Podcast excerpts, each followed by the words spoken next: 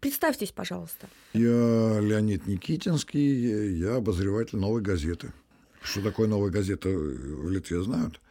Вот знаете, вот я спросила вот молодого фотографа, девушку, и спросила, знает ли она, что такое «Новая газета», она сказала нет. Нет? Нет. И тогда... А кто такая Анна Политковская, она знает? Нет, вот я как раз ей рассказала сейчас. Поэтому вы, в принципе, можете рассказать и про новую газету. Это будет очень кстати. Ну, тут надо издалека начинать-то. Так сразу не расскажешь. Вильнюсской студии московский гость, член редколлегии «Новой газеты», а также Совета по правам человека при президенте Российской Федерации Леонид Никитинский. В октябре он приезжал на фестиваль «Неудобное кино» представлять фильм о своем издании «Новое», который снял Аскольд Куров. Мы воспользовались этой возможностью, чтобы поговорить о журналистике и нашем времени. Здравствуйте, у микрофона Инна Шилина. Вы также услышите несколько цитат из трейлера фильма. Новая газета застала уже несколько войн, первая из которых была, соответственно, чеченская, точнее, две чеченских компании. И, к сожалению, сейчас те события, которые происходят э, на востоке Украины. Здесь же то, что мы делали по расследованию по э, Боингу, сбитому 17 июля. Ты мне тоже один вопрос. У нас идет наземная война или не идет? Леонид Никитинский не только известный журналист, но и писатель. В этом году в серии «Интересное время» издательства «Время» вышла его новая повесть «Белая карета». Я писал два приема эту повесть. Она сначала у меня не получилась, а потом я понял, что это про Крым. Я только вот это понял где-то два года назад. И вдруг, она написалась именно об ощущениях вот этого, то, что для, на самом деле для России центральная проблема для российской интеллигенции. Вот, это, вот эти 14% пресловутые, да, к которым я тоже принадлежу. И вот это ощущение себя как 14%, оно, конечно, э, ну да, оно такое не очень неприятное. Там центральный персонаж не только вот этот автор, от, который от первого лица ведет повествование, но хирург, с которым он познакомился, и который на самом деле едет в Донбасс и там погибает. Эта проблема в России, конечно, огромная, потому что вот это разделение на 86%. Ну, оно, конечно, условное. Крымнашистов, да, которые как бы одобрили это, и 14%, которые не одобрили. Вообще какие-то сакральные цифры, я думаю, что они очень красноречивы. И что в любом обществе, наверное, это соотношение примерно такое же. Неких конформистов, которых всегда большинство, и так и должно быть, потому что иначе человечество просто погибло бы. Если бы оно состоялось таких, как я, то у нас бы уже не было как, как, как, как вида, да. Потому что у меня всегда все наоборот, да, вот первое движение наоборот. Это разделение не соответствует, скажем, разделению на, на людей добрых и недобрых. Может быть, даже не совсем соответствует на, на разделение людей умных и, и не, неумных.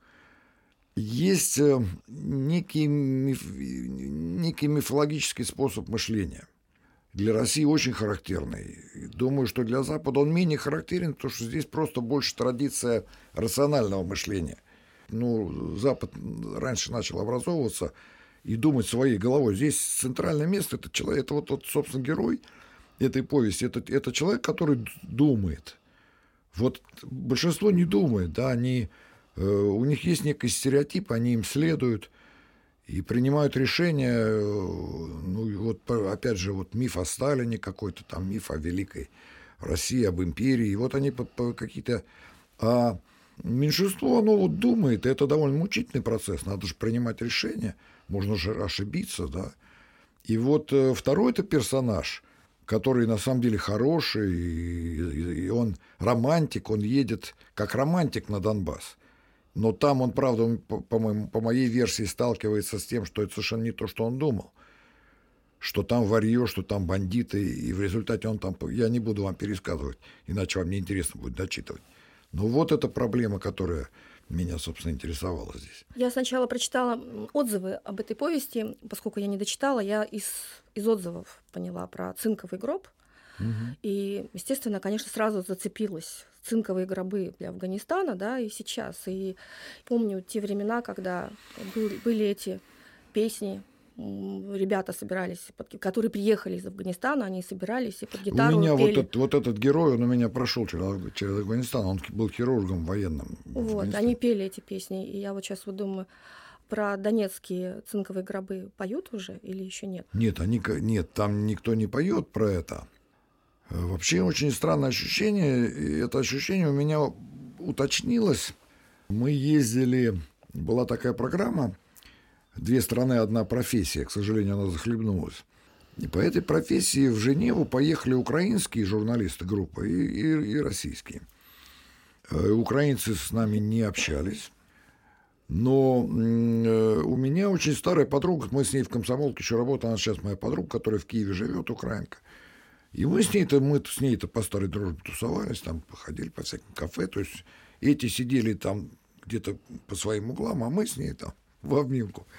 И вот она мне объяснила такую вещь, что вот она говорит, ну ты пойми, что наше отношение к вам, что в Укра... Украина это воюющая страна.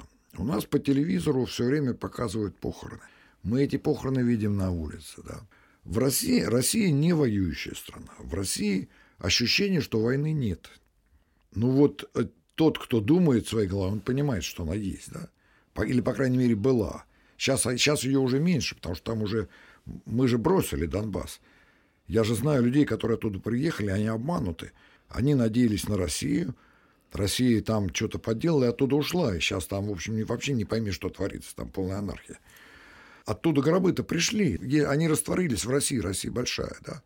И они совершенно не попали ни на экран телевизора, который смотрят массы, да.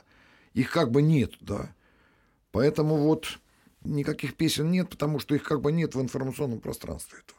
Как вы предполагаете, когда может произойти это? Ведь про Афганистан ведь тоже ничего не уже говорили. Уже не произойдет. Уже не произойдет. Это растворилось. Это растворилось. Их было немного. Это были люди какие-то а кто такие эти вот эти вот ребята? Так? Э? Ну, во-первых, мы возвращаемся к вот к тому, с чего разговор начался, что есть два информационных пространства, изолированных друг от друга. И я не очень понимаю, что в том контуре, какие там разговоры. Может, там они и поют песни про Донбасс. Я просто не знаю. Захар Прилепин же теперь мне не близок, да? Когда-то мы были вроде бы вместе, а теперь-то вот может быть, у Захара Прилепина там такие песни, наверное, даже поют. И как-то это романтизируют. В моем контуре этого ничего не слышно. Опять же ведь это огромная проблема. Я когда начинал работать, я э, по образованию юрист, но пришел уже в зрелом возрасте в комсомолку в 89 году и прославился первым же очерком. Я сразу у меня куча читателей появился. Очерк назывался «Я приговорил», и по нему фактически сняли Ворошилского стрелка. То есть там был такой сюжет, что во Владивостоке это на самом деле происходило. Тогда это шокировало, это сейчас уже никого не шокирует. Группа подростков э, изнасиловала и убила девчонку. Ее отец нанялся истопником в этот суд и приходил на процесс, на каждое заседание ходил и э, требовал смертной казни для них но поскольку они были несовершеннолетние, им дали по десятке, и тогда он, а он был действительно, как вот в Ворошиловском стрелке, я забыл, не то первый разряд у него был, не то мастер спорта, он был по стрельбе, и он из самодельного пистолета, когда судья сказал 10 лет, выскочил, значит, э, в середину зала и стал стрелять по скамье подсудимых. И не попал. Причем конвой, который его валил, ломал ему руки, кричал при этом, батя, как же ты промахнулся? Все были как бы... Тогда это все было просто. Сейчас в России никто мне не дал с ним встретиться. Очень сложно это стало. А тогда все было э, несложно. Я попросил следователя, он мне, пожалуйста, я в тюрьме встретился с этим человеком. Он потом был признан невменяемым. И я у него спросил, а как же вы, почему же вы промазали? Вы же мастер спорта по стрельбе. На что он ответил, а я не, не думал, что так трудно стрелять по живому человеку. То есть вот в мишень я бы врезал в яблочко все 10. А вот живого человека, оказывается, очень трудно стрелять. И я на этом основании, значит, изложив этот сюжет, я дальше в 89 году начал выступать против смертной казни. И вот мне валили мешки писем тогда. Из 9 из 10, чтобы твою дочку изнасиловали, убили, и вот такая штука, да. То есть я столкнулся, опять возвращаясь к 14%, что 86% условно, конечно, да, за смертную казнь. Но к чему я это рассказываю? Тогда комсомолка, тираж комсомолки был 22 миллиона экземпляров. Читали все, все могли быть с этим не согласны, но это можно было обсуждать, потому что это прочли. А сегодня я, я так длинно на ваш вопрос отвечаю. Я не знаю, что там-то, да? Я не знаю, что они читают. Они читают одно, мы читаем другое. Вот разорвалось все. Ну вот вы заговорили про смертную казнь. Сейчас ведь опять пошли разговоры о ее введении. Да, ну это... Насколько это серьезно? Это не, пока это не серьезно, потому что пока, э, ну это уже ответ чисто политический такой, да, пока российское руководство э, не хочет себя вычеркивать из Союза Европы. А э, мораторий на смертную казнь – это условие пребывания в Союзе Европы. Но люди начали высказывать свое мнение. Да люди всегда высказывали. Вот это вот, это вот миф о, о том, что смертная казнь, ну, это очень спорный вопрос, предостерегает она кого-то или нет. Ученые говорят, что, э, по крайней мере, от э, э, насильственных преступлений, а именно за них требуют смертную казнь, вот именно от насильственных она не предостерегает. Она скорее предостерегает от каких-то длинно продуманных там коммерческих афер, а вот убийство, которое чаще всего спонтанное, да, или по пьянке, ну, никто не, не, не задумывается на два хода вперед, что там смертная казнь грозит. Но э, это устойчивый миф, причем он опасен тем, что вот сейчас мы введем смертную казнь, мы решим тем самым все проблемы. Вот, вот ведь о чем? Вот мифологическое мышление. Начнем расстреливать, и у нас все будет хорошо. Да полная чепуха, да. Вместо того, чтобы искать сложные решения, мы ищем какое-то простое. Да, вот. Смертная казнь – это якобы простое решение. Ну да, и люди всегда, и во всем мире большинство за смертную казнь. Народа. Но есть разумное меньшинство, которое говорит, ну, ребят, ну для чего это? И это не решит никаких проблем. Ну, вот Википедия говорит о том, что вы первым в современном смысле слова употребили слово беспредел. Там Был прямо такой, так и написано. Да, есть такая история. Да. Э, я, это было самое начало моей журналистской. Я еще не был журналистом. Вообще, первое мое журналистское удостоверение был журнал «Крокодил». Такой был журнал с политической сатиры, значит, там можно было стебаться. Еще при советской власти никого хвалить было не надо, а хвалить я не умею, значит, я могу только ругаться. И вот я там, значит, отвязывался. И я в крокодиль, из крокодильского удостоверения я приехал в Ригу по какому-то делу зашел, значит, прокурор, по-моему, города Риги была тогда, который меня совершенно поразил, потому что это была дама в белоснежной рубашке. У нее стоял на столе цветок свежий. И для прокурора это было что-то, ну, просто вынос мозга такой, да. И что-то я у нее спрашивал про другое. И она мне говорит, ну, видимо, я ей понравился, она говорит, а у нас будет очень интересная история. Вот был бунт в Рижской колонии – Приезжайте, мы вам... Сейчас невозможно в России разговаривать ни с кем. Никто ни с кем не разговаривает, да. Это был 88-й, да? Это был 88-й год, да. Это был 88-й год, а тогда она сам, пожалуйста, мне дали все материалы дела, пожалуйста, хотите поговорить с этими... Они все сидели там в изоляторе, эти бунтовщики, Пойди, пожалуйста, с ними поговорите.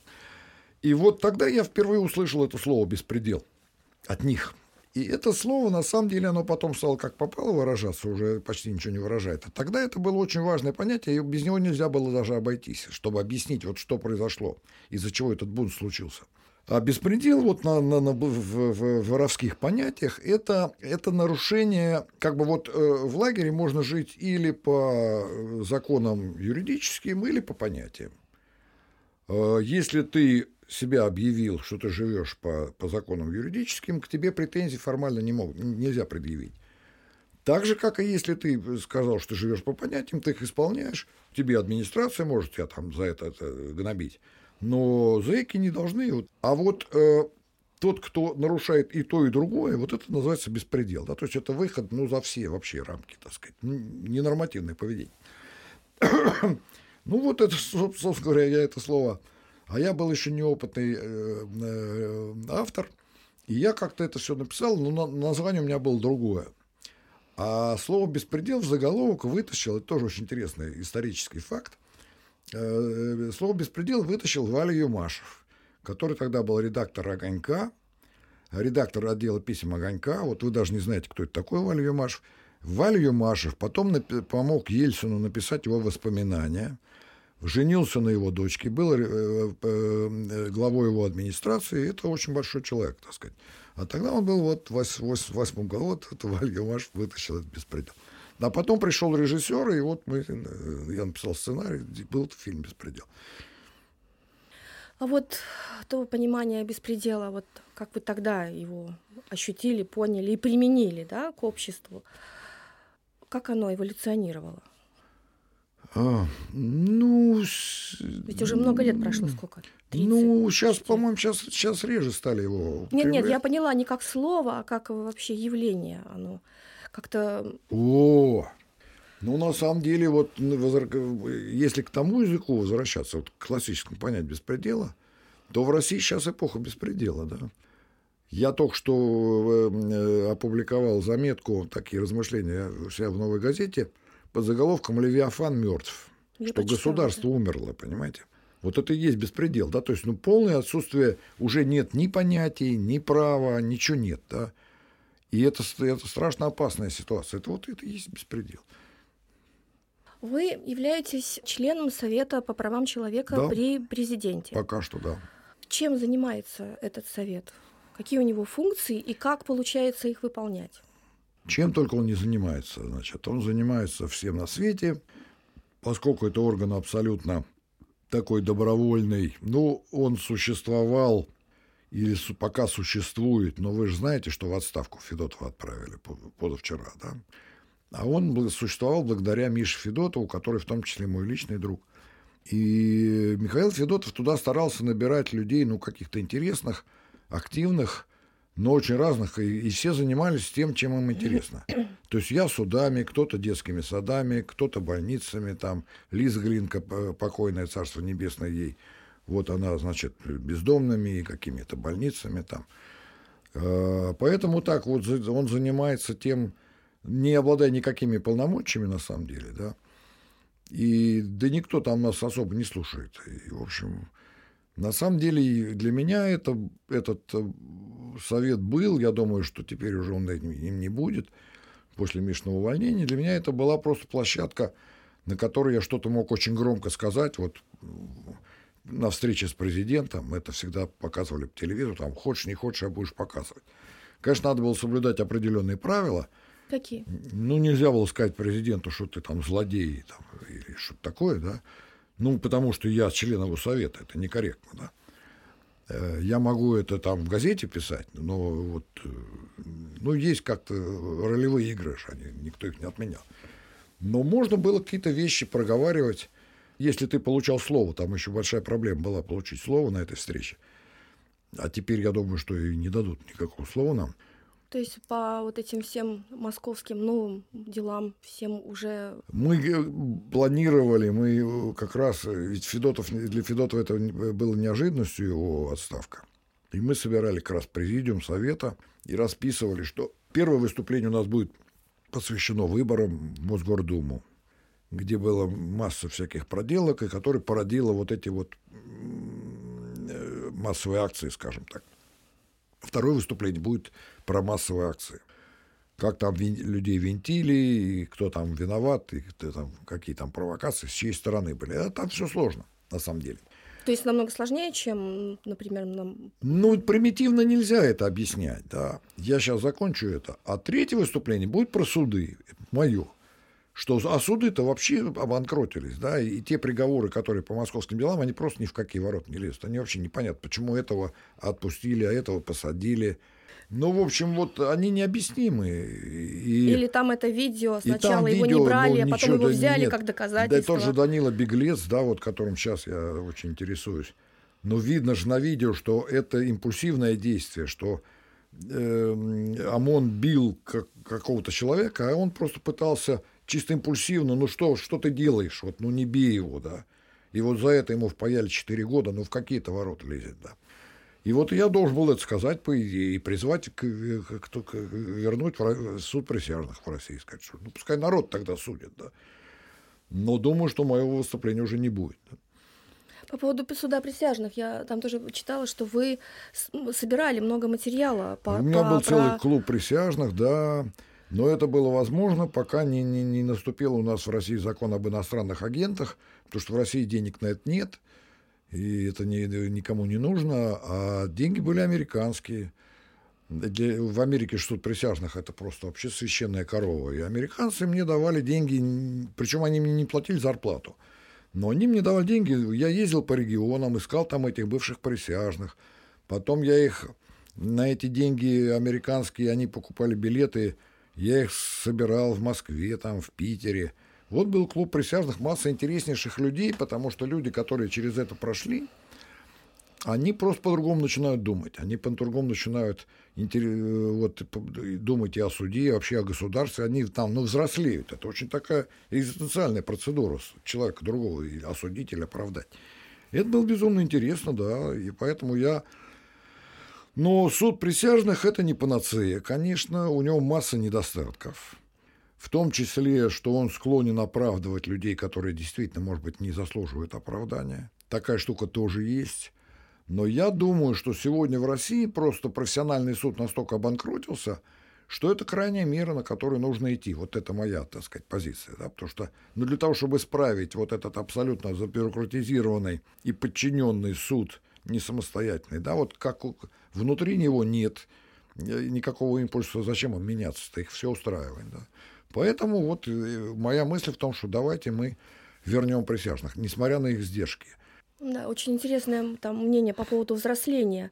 Я иногда задумываюсь, как вот человека вернуть к его гражданским обязанностям и вообще к тому, чтобы начать понимать то, что происходит вокруг. Может быть, это один из, из способов. Ну, вот многие люди, которые попали по этому, как я его называю, второе болотное дело, да, Москву или московское дело называют, там есть такие персонажи, которые случайно попали, а типа там пошел в магазин, а его там загребли, да. Вот они стали вдруг как страшными активистами. То есть, ну, чтобы человек начал и думать, это труд, да. Человек не любит думать, это нормально. Для того, чтобы он начал думать, надо, чтобы с ним что-то произошло. Это основа психологии. Что большинство, э, большую часть своих действий человек совершает машинально – он идет чистить зубы, он не думает о том, он берет и чистит зубы. Вот если вдруг оказывается, что щетки нет на месте, он начинает думать в этот момент. Да? То есть что должно случиться, чтобы человек начал думать? Ну, много чего случается вообще-то. Ну, с вами конкретно должно что-то случиться. А, ну, вы, в этом что, плане. Чтобы угу. вы начали думать, да, и свою позицию какую-то искать. Хотя, может быть, опять же, я не знаю, насколько Литва-Запад. Я тут последний раз был как раз в 88 году. Я еще помню, я ходил этот огонек с очерком «Беспредел» покупать. Здесь. Именно здесь? Да, да, да, да, да. Мы жили где-то вот на озерах там, я где-то его искал, покупал. Но на Западе, конечно, традиция критического мышления гораздо более древняя, да, так сказать. Э, ну, может быть, здесь тоже, тоже народ старается, не особенно. Э, с другой стороны, все-таки налажены, более-менее налажены, хотя они сейчас рушатся, э, вообще механизмы демократии. Ведь сегодня во всем мире мы столкнулись с тем, это и Англия, это и США, что механизмы демократии, большинство, наконец, ну это вот это э, Канетти, собственно говоря, это теория массового общества. Вот массовое общество пришло, вот это массовое общество наконец поняло, что оно может голосовать так, как оно, как оно хочет. Вот вам Трамп, вот вам Брексит, вот вам все остальное, да. Вот вам в Польше этот, я забыл, как его, да. Вот вам Венгрия, вот вам Германия – Наверное, в Литве тоже что-то такое происходит. Да. И, кстати говоря, когда я вот эту повесть-то издал, люди, которые ее читали, вдруг стали мне звонить, писать. Немного ее читают, потому что, ну, сейчас никто ничего не читает. Но те, кто читают, они говорят, вот, наконец-то кто-то сказал правду, да, вот, про нашу жизнь. Я думаю, елы-палы, вот я всегда же считал, что журналистика, как журналист я говорю правду. А это я же все еще меня в свое время, у меня же была книжка про, про присяжных, роман. Вот когда мой сын, ему тогда было лет 20, прочел этот про присяжных роман, первый вопрос был ко мне. Папа, теперь скажи, что ты тут сочинил? Я говорю, ну, вообще говоря, я тут все сочинил от начала до конца, да. И вот это удивительное ощущение правды сочиненного мира, да, которое оказывается гораздо как-то весомей, чем правда чисто журналистская, да.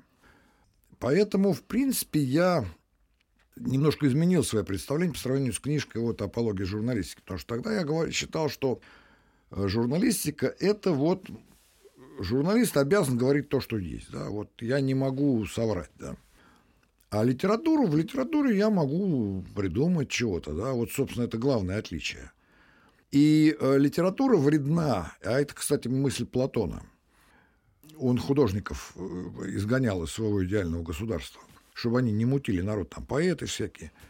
Она же уводит от действительности, да.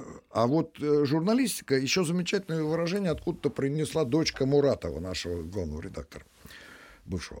Э, она в Америке училась, и какой-то профессор там сказал замечательную фразу, потом мне Мурат я повторил, что журналистика – это то, что вам не понравится. Вот это вам не понравится. Да? Вот я, как журналист, пишу о том совершенно не для того, чтобы вас развлекать, да? А как писатель, типа, я пишу, чтобы вас развлечь. То есть я вас увожу от действительности. Хотя теперь я думаю по-другому. Вот написав повесть, я возвращаюсь к действительности. Но журналистика это вот это абсолютно точное определение. Журналистика это то, что вам не понравится. И на самом деле то, что существует в России и называется до сих пор журналистикой, никаким образом ей не является. Да и у вас тоже, да, потому что как бы врагу, главным врагом журналистики является не пропаганда, а является желтая пресса, развлек, развлекуха. И вот развлекуха просто по устройству человека, это, собственно говоря, Маркс писал, что главное мерило прогресса – это свободное время. Очень интересная мысль. И это правда так оказалось, да. Но далее он писал, вот когда у человека будет много свободного времени, он будет там книжки читать, там рисовать, что-то, что-то такое. Ну, выясняется, что природа человеческая это другая, да. И самый большой трафик образуют какие сайты? Отнюдь не образовательные, да, а порнографические. А человек хочет развлекаться. Вот так он устроен, да, во всяком случае, большинство, да. Я развлекаюсь, читая Фуко, мне доставляет... Вот это я делаю, потому что мне это интересно, приятно. Да? Вот я так развлекаюсь. Мне художественное это тоже неинтересно читать. А большинство людей, оно хочет развлекаться. И вот с этим конкурировать очень сложно, да? Вот как хотите, мы не испугались. Кто, кто, кто, вы, кто вы не испугались, скажите? Газета не испугалась. Газета не испугалась. А ты вот можешь ответить на мой вопрос? И второй как я обо всем об этом должен своей жене рассказать? И второй момент, Виталий Не испугались. Что значит, Виталий Семенович, мы свою жизнь живем? Ни один материал, самый великий, не стоит жизни журналиста. Да бучо жизни, он здоровья его не стоит. Новая газета была основана в 1993 году. Это одно из первых независимых изданий постсоветской России. Одно из последних сегодня. Как минимум пятеро журналистов издания были убиты в связи с их профессиональной деятельностью. В их числе Анна Политковская, Юрий Щекотихин и Анастасия Бабурова. Фильм, по-моему, не очень удачный. Точнее, это я бы сказал так, что этот фильм получился не о новой газете. Он получился об истории Али Феруза. Э, действительно был такой человек. Али Феруз мелькнул в новой газете, его действительно там преследовали, хотели выслать в Узбекистан, где бы ему э, грозило бог знает что, и вот «Новая газета» его спасала. И вот, собственно говоря, поскольку он, э, Аскольд попал, у него была задача снять фильм о «Новой газете», но надо было как-то его строить, да. И он построил на этой истории, но получилось, что это история про Али Феруза, а не про новую газету. Вот в чем проблема. Я вот и хотела спросить. Да. Я посмотрела только трейлер. Там такой бэкстейдж отдельных, отдельных историй, которыми занималась э, новая газета. Фильма я не видела, потому что его mm. в открытом доступе его нет. Какой бы вы фильм сняли про новую газету? А вот я не знаю. Потому что, на самом деле, я тоже себе задал этот вопрос, вот, придя к выводу, что мне этот фильм не то, чтобы не понравился, но не про новую газету.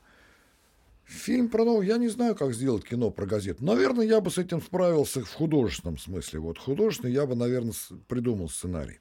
Сложный как-то с, персона... с персонажами, а документальный фильм про газету, э, ну, когда я пришел в комсомолку в 92, в 92 году, там, в 89-м, ну, тогда это было проще, потому что там были машины такие, знаете, красивые, там, горячий набор, там, рама, все это таскали полосы, там, крутилась эта штука. Сейчас стоит компьютер, там, верстает, верст в компьютере, все сидят. И чё, где, стой, вот надо же, да что-то должно двигаться. Ну, можно было, наверное, более сложное сделать кино, наверное. Он должен был быть больше в исторический какой-то ракурс. Может быть, про, про, про Аню Политковскую надо было говорить. А почему вообще возникла идея делать такой фильм? А я не знаю. Ну, на самом деле, нет, понятно, почему она возникла, но вообще, конечно, новая газета – это феномен, да. И я совершенно э, горд тем, что я к нему причастен. Хотя я ну, принимал участие в его создании и развитии, Но не я его создал. Это, конечно, целиком заслуга Муратова в первую очередь. И там, может быть, Кожеурова, который теперь главный редактор. И вот людей, которые... Кожеуров больше занимался фундаментом, основой. Потому что это же денег все стоит, надо их как-то добывать. Муратов фонтанировал идеями, и вот создалось нечто, да, которое настолько сейчас в России занимает какую-то нишу свою и настолько уже мощно, что э, даже власть столкнулась с тем, что и как бы просто взять и закрыть новую газету тоже уже нельзя, потому что это, это феномен мировой культуры уже, да. Может, все дело только в технологиях? Как по поводу нет, закрывать? Э, нет, нет, я вам потом не в эфире расскажу одну историю, но в эфире не, не, не решусь. Я понимаю, зачем новая газета нужна, а, но это не в эфире. А, но в том числе и одна из причин того, что ну, она многим очень не нравится, да, но закрыть ее нельзя, потому что ну, это уже вот, ну, это какое-то вот явление, да, то есть его нельзя просто взять и вот прихлопнуть как-то, да как сделали с New Times. Потому что ну, New Times не успел развиться до ну, такой он еще степени. был маленьким, да. да. Ну, да. например, какой-нибудь НТВ, когда закрывали. Ну, не закрывали, а... О, да, да, это, конечно, да. НТВ был покруче, да. Ну, закрыли, закрыли. Я да. поэтому говорю, да, что, может быть, да. все дело только в технологии. Ну, вот это, опять же, не в эфире я вам расскажу, а вот в эфире не буду. Но, во всяком случае, это, конечно, уже глава в истории России, да, и в истории журналистики. Поэтому вопрос, почему про новую газету решили снимать, не вопрос. Действительно, того заслуживает. Но сняли так, как сняли. Вот, да. Ну, ну я, я понимаю его логику. Вот ему нужна была какая-то, какой-то нарратив. Вот Али Фероз подвернулся, вот он сделал про Али Фероз. Как бы, когда все выстроилось по этой линии, то все остальное ушло куда-то, да, так сказать. А там еще очень много чего и, э, и было.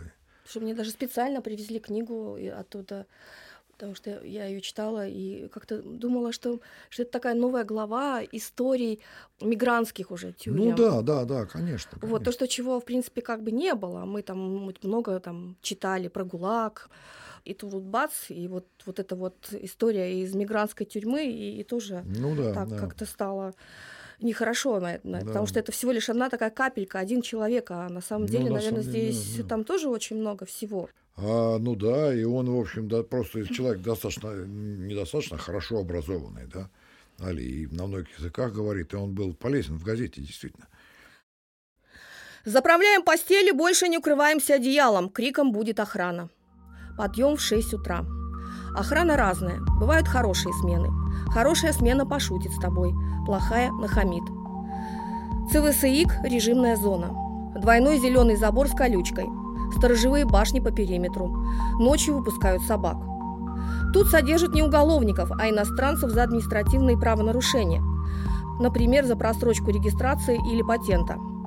Камеры небольшие. В нашей двухместной камере два окна с решетками, двухъярусная железная кровать, железный стол со скамейкой, железный шкаф, веник, тазик, ведро, раковина, туалет и сверху в углу две камеры, которые наблюдают за нами круглые сутки.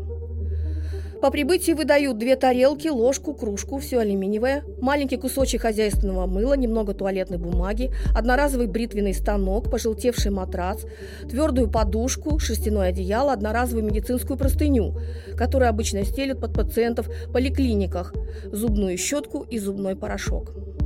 Сразу предупреждают, в случае нанесения вреда имуществу ЦВСИГа оштрафуют. В 7 утра приносят завтрак – молочная каша, хлеб и черный чай – Суточная порция, столовая ложка чая на всю камеру. Открывают двери и выводят в коридор. «Фамилия! Не прислоняться к стене! Заходим обратно!» После обхода на час выводят на прогулку. Вот и день закончился.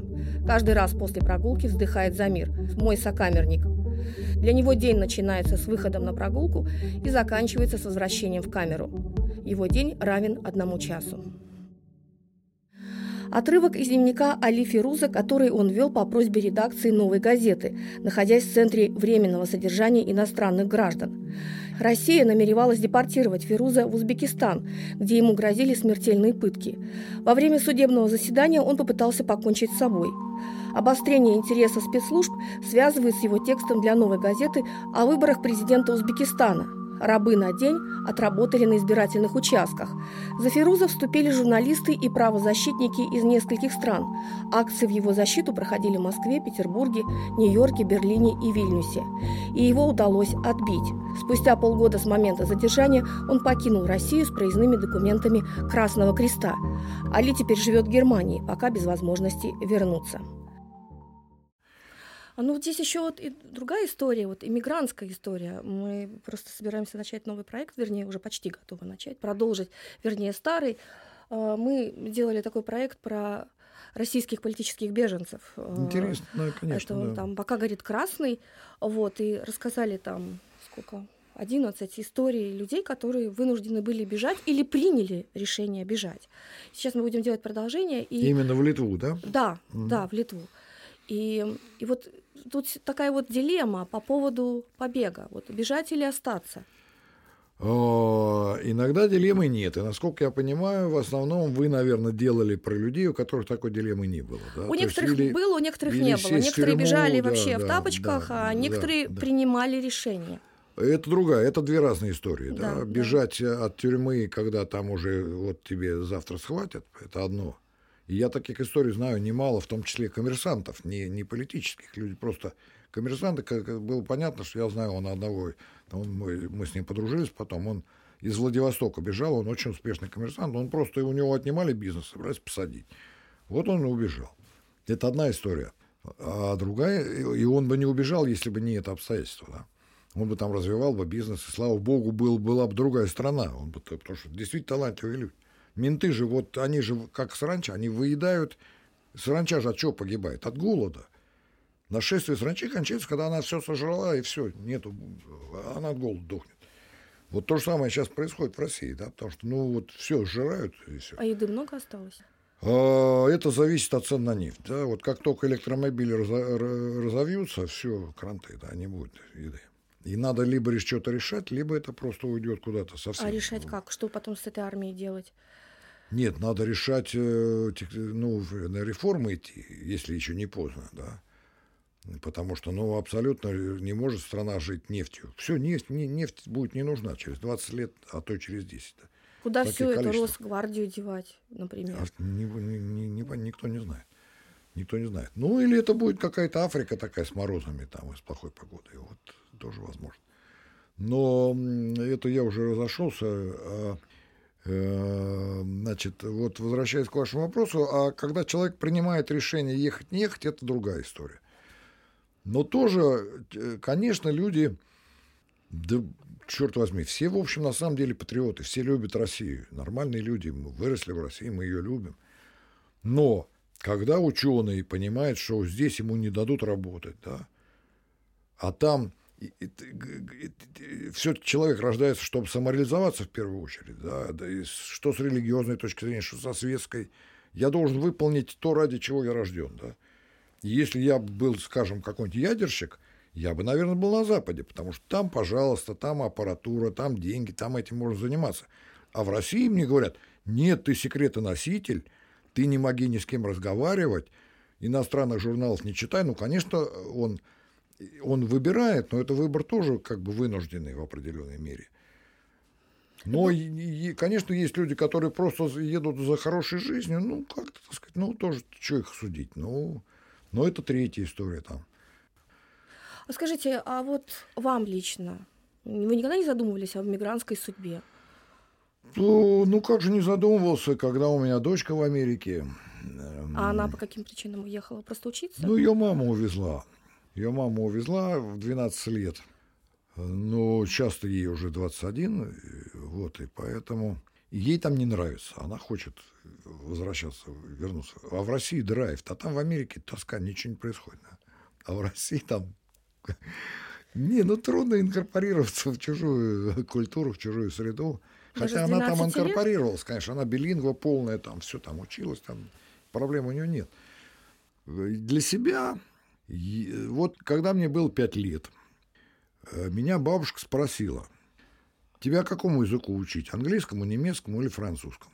Она сама до, до смерти говорила на всех трех и читала свободно на всех трех. Ну, поскольку она э, в силу своей сложной судьбы после всяких, значит, революционных изменений оказалась учительницей французского языка в Большом театре, в, в, в балетной школе Большого театра. И у нее учебники были по-французски. Вот если бы она меня стала учить английскому, возможно, я бы по-другому жизнь сло- сло- сложилась, сложилась бы, да, потому что француз, с французским мне куда ехать -то? Да я его уже и подзабыл, конечно. Поэтому, ну, с другой стороны, я был, вот я был в свое время, что-то я разоткровенничался, но с, вот у меня была первая жена, которая говорила, давай уедем, да.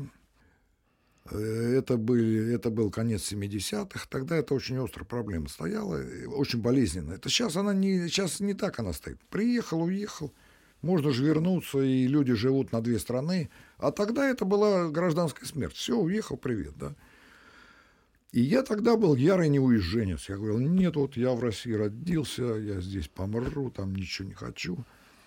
И это тогда очень остро. Это, кстати, нашло какой-то отголосок в повести, наверное, да, вот это вот ненависть к гемошникам, это вот оттуда. Так что я на эту тему много думал. Но у меня нет варианта. Нет, я бы, наверное, не... Моя борьба там, да, вот. На самом деле у меня ощущение, что происходит какой-то тектонический исторический сдвиг. И что национальность перестает играть такую важную роль, да. И что вот есть как бы люди, опять же, вот, вот эти сакральные 14%, которые на самом деле люди мира, да, они все уже владеют английским, они поверх всех стран уже живут, да. А вот эти 86, они оседают в своих странах, начинают отгораживаться, как Польша сейчас, там, как кто, да, так сказать. И происходит такое разделение, да. Я тоже мировой человек, я таким себя всегда ощущал, но я не знаю языка, языка. Поэтому я не, по факту не таков, но ощущение у меня было всегда такое. Я европеец, я человек мира, да. Безродный космополит, как при Сталине. Вот это я, да. Скажите, а опасно работать в «Новой газете»? Э, вопрос, который очень часто задают. Э, э, не, ну кому-то, конечно, опасно. Но тот, кому опасно, вам бы это никогда не сказал. Ленин Милашный, конечно, который пишет про Чечню, реально опасно. Ну, я смотрела фильм. Но она бы никогда, она бы никогда угу. этого не сказала. У нас нет этого ощущения. Да. Ну, мы понимаем, когда ты куда-то лезешь, ты всегда понимаешь. Я, правда, правда уже по возрасту лазил в свое время и по войнам, но сейчас не, не лазю. А общая опасность, ну, если думать об этом, то это не надо уходить просто на другую работу. Нету такого ощущения, что постоянно там висит опасность Нет, вы знаете, над газетой, даже, над самим я собой. Скажу, я скажу, может быть, даже какую-то странную вещь. Вот э, в «Новой газете» было довольно много смертей и убийств. Юра Щекочихин, который был моим учителем в некотором смысле журналистики, и Аня Политковская. И были смерти естественные. Уходили, вот Зоя Ярошок ушла, там еще люди. И нельзя сказать, что мы не горюем, но все равно в «Новой газете» весело. При этом весело, да. Мы как-то вот, ну и пошли дальше, да. Отряд не заметил потери бойца как-то. Ну вот ну что, за Аньку, Юрку, Игоря, за Настю, Наташу, Стаса. Да? Давайте, за, за наших павших. Они есть любят, на самом деле. Есть некий драйв, а без него мы не могли бы работать, наверное, да. Все время надо что-то делать, но это не скучная профессия. Я вот э, то ли в этой книжке, то ли какой-то предыдущий, я такой э, текст написал, что борьба со злом – это не скучное занятие, потому что зло все время другое, оно все время меняется. Все время что-то вот куда-то надо бежать и с ним бороться. А какая миссия вообще, как вот у газеты в России? Ой, слово «миссия» как-то отдает пафосом таким. Да не в России вообще. Миссия газеты, ну, опять возвращаясь к разговору о журналистике. Ведь мы не понимаем, что сегодня, что такое журналистика и где она.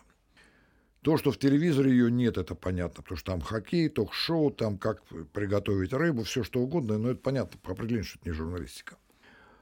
Если мы говорим о журналистике как, как таковой, да, встает вопрос, а она где? Опять же, я повторяю то, что, о чем я уже много думал. Газета – это то, во что заворачивают селедку, да. это не, журналистика – это не газета. Журналистика – это некие отношения, которые образуются у меня как автора с читателями. И вот возьмем пример, например, «Медуза», да, которую сейчас все читают. Что такое «Медуза»? Была лента «Ру» в России. У нее была куча читателей. Журналистику образовали отношения Гали Тимченко и ее редакции с этим не вполне определенным кругом, но, безусловно, многотысячным кругом читателей. Вот Галю Тимченко выгнали из, из Ленты.ру. Она уехала с, в Латвию, создала там «Медузу». И вся вот эта вот, вся эта конструкция, вот это отношение, журналистское это отношение на самом деле, да, все эти читатели вместе с ними переехали куда-то еще, да, то есть вот это есть некое информационное пространство. В нем идет постоянная миграция, люди ищут, там друг друга находят, там или не находят, и какие-то завязываются узлы, некоторые из них крупные, как «Новая газета», некоторые мелкие, как частный блог. Но вдруг он может, а, какой-то блог может выскочить и, и оказаться, что он вдруг более влиятелен, чем целая газета другая. Есть огромная масса газет, в том числе в России, которые вообще никто не читает. Да. Там ноль, это как бы формально газета, но это не, оказывается, что там нет журналистики. Да. А я забыл ваш вопрос. Мы, про, а про миссию. Про миссию, Про да. миссию. Миссия – это разговор. Возвращаясь к чудовищной проблеме вот этих замкнутых э, контуров, да, вот в России люди друг вот эти, собственно говоря, про повесть про что? Про то, что 14,86% друг друга вообще не понимают. Они на разных языках говорят. И это трагедия, и потому что все-таки, ну, нам надо же как-то определиться, как-то жить, да. В принципе, миссия – это вот эта площадка для разговора. Я понимаю, журналистика – это дискурс. А дискурс – это очень сложная такая конструкция, это разговор, но сложный такой, да. Возвращаясь к теме рукава, да, дискурс – это не рефлексия, которая по кругу ходит такая депрессивная, а дискурс, он все время куда-то идет, причем если он пошел туда, он уже сюда не вернется, да. Он все время куда-то развивается – вот это критическое мышление, оно должно, все время функционировать. Человек, как это, это, собственно говоря, это на лекциях, которые я читаю, книжка-то выросла из лекций, я встречаюсь как бы с, молодежью, вот рассказываю, что такое журналистика. И я им обычно говорю, вот это вот по Хайдегеру, дискурс по Хайдегеру. Там на самом деле все гораздо сложнее, но у Хайдегера, вот его дизайн знаменитый, вот он говорит, вот я, да, собственно говоря, да, а вот оно попадает в мир. А как оно может, что оно может про него понимать? Да? Вот родился ребенок, что он может понимать про мир? У него нет такого органов-то нет, чтобы понимать. Вот он может, кошка может слышать, видеть, а понимать не может. А человек может. И, значит, вот э, по Хайдегеру дискурс, ну, сейчас он по-другому понимается, это постоянный разговор сам, с самим собой. Он понимает самого себя. Вот и постепенно какие-то сигналы улавливает, там вот туда-сюда, да, и вот так вот этот вот вращается, и вот само себя понимает, потом начинает э, понимать уже окружающее, что-то такое, да. Вот так же общество, да, оно же для того, чтобы понимать, оно должно все время разговаривать само с собой, друг с другом, там, да, вот журналистика – это часть этого процесса. Процесс гораздо больше, сложнее, это и кино часть этого процесса, и вообще вся культура часть этого процесса. А помимо культуры ничего и нет на самом деле, да. Человечество – это культура, это, это синонимы. Да? Без культуры человек – это кошка да, или обезьян. А культура, она это, культура это все время диалог, все время разговор. И вот это, если уж говорить о миссии, ми, о миссии там с, с пафосом, чего совершенно не понимают сейчас в России, когда да и нигде, наверное, не понимают, пытаясь э, газеты переручить, там, сделать из них пропаганду. Пропаганда это же, это же не то, это не разговор, это попытка к вам навязать, там что-то убедить. А нужно-то поговорить. И вот это и есть миссия. Еще одна мысль из этой книжки. Журналистика и медиа – это разные вещи. Да? То есть медиа – это как бы тело, которое нуждается в, в деньгах и о котором надо заботиться, которое зарабатывает деньги. А журналистика – это разговор. Да? Это просто они могут существовать независимо друг от друга. А вот еще тут ваша мысль, сколько у нас времени, Ката, нам уже пора заканчивать. Можем поговорить о том, что журналист это на самом деле историк, только да. он работает внутри нее, а не после. Да, Мне эта мысль это, понравилась, да, да, я хотел, чтобы это, она прозвучала. Это, это главная мысль моя, да. На самом деле к этой мысли я пришел сначала от отчаяния, потому что я начинал... Это вообще песня русских журналистов, наверное, и ваших тоже. Вот старые журналисты говорят, вот когда-то вот мы напишем и вот поможем, или кто-то решим какую-то проблему, власть нас слушалась. Я прекрасно это время помню, потому что я начинал в «Крокодиле», и любой, любая моя командировка гроз... ну, означала, скорее всего, там, что кого-то снимут с работы, а то и посадят там, да. И я это ощущал как власть. И вообще тогда э, удостоверение крокодила, оно до сих пор у меня лежит, хранится, значит. С ним можно было пройти в гостиничный ресторан, что было нереально в то время. Вы, наверное, еще тогда не жили. Но в 76 каком шестом году, в 86-м попасть в ресторан при гостинице, он был всегда переполнен. Показал крокодил. Ну, проходи. То есть это была власть. На самом деле, это, конечно, была не моя власть. Это была власть ЦК КПСС, которая управляла и крокодилом, и Вильнюсской колонией, и заводом, и всем. То есть эта власть была отраженная. И эта власть сейчас, в общем, утрачена. А к чему я начал опять? Вот я старый стал, я начинаю... По поводу журналист-историк. А, да, да. И вот когда, значит, когда я понял, что что бы я ни написал, ничего не происходит, да. Это тоже странное ощущение. Это я как-то шел по коридору. Вот вы меня разболтали, я болтаю уже. Вот я шел по коридору новый, а Мурат очень любит всех знакомить. И навстречу мне идет Муратов, и с ним два вот таких шкафа, вот таких огромных, с такими шеями борцовскими. И он говорит, о, это генерал такой-то, значит, зам, там, этот генерал такой-то, какие-то полицейские генералы, а это Леон Никитинский, это наш обозреватель. Вдруг этот генерал бросается меня душить в объятиях со всем такой ментовской искренностью, со словами «Ой, мне так нравится, как вы пишете». И я седаю на пол, потому что я же все время пишу какая-то скотина и какой-то гад. И я понимаю, что он это читает как художественную литературу. Ну, парень клево пишет, там, интересно почитать, да. Он это понимает, что в результате ему ничего не будет. Вот хоть опишись, да. И вот это вот ощущение у меня, я думаю, а кто же тогда я такой-то, да? Ну вот для чего я все это делаю? И вот от этого отчаяния я пришел к этой мысли, что а я историк, да. Вот мы зафиксировали факты, и там через 20 лет откроют новую газету, скажут, а так вот оно, как оно было на самом деле. Но, в принципе, вот я сначала так провел, потом я думаю, что на самом деле да, на самом деле это вот это и есть, да.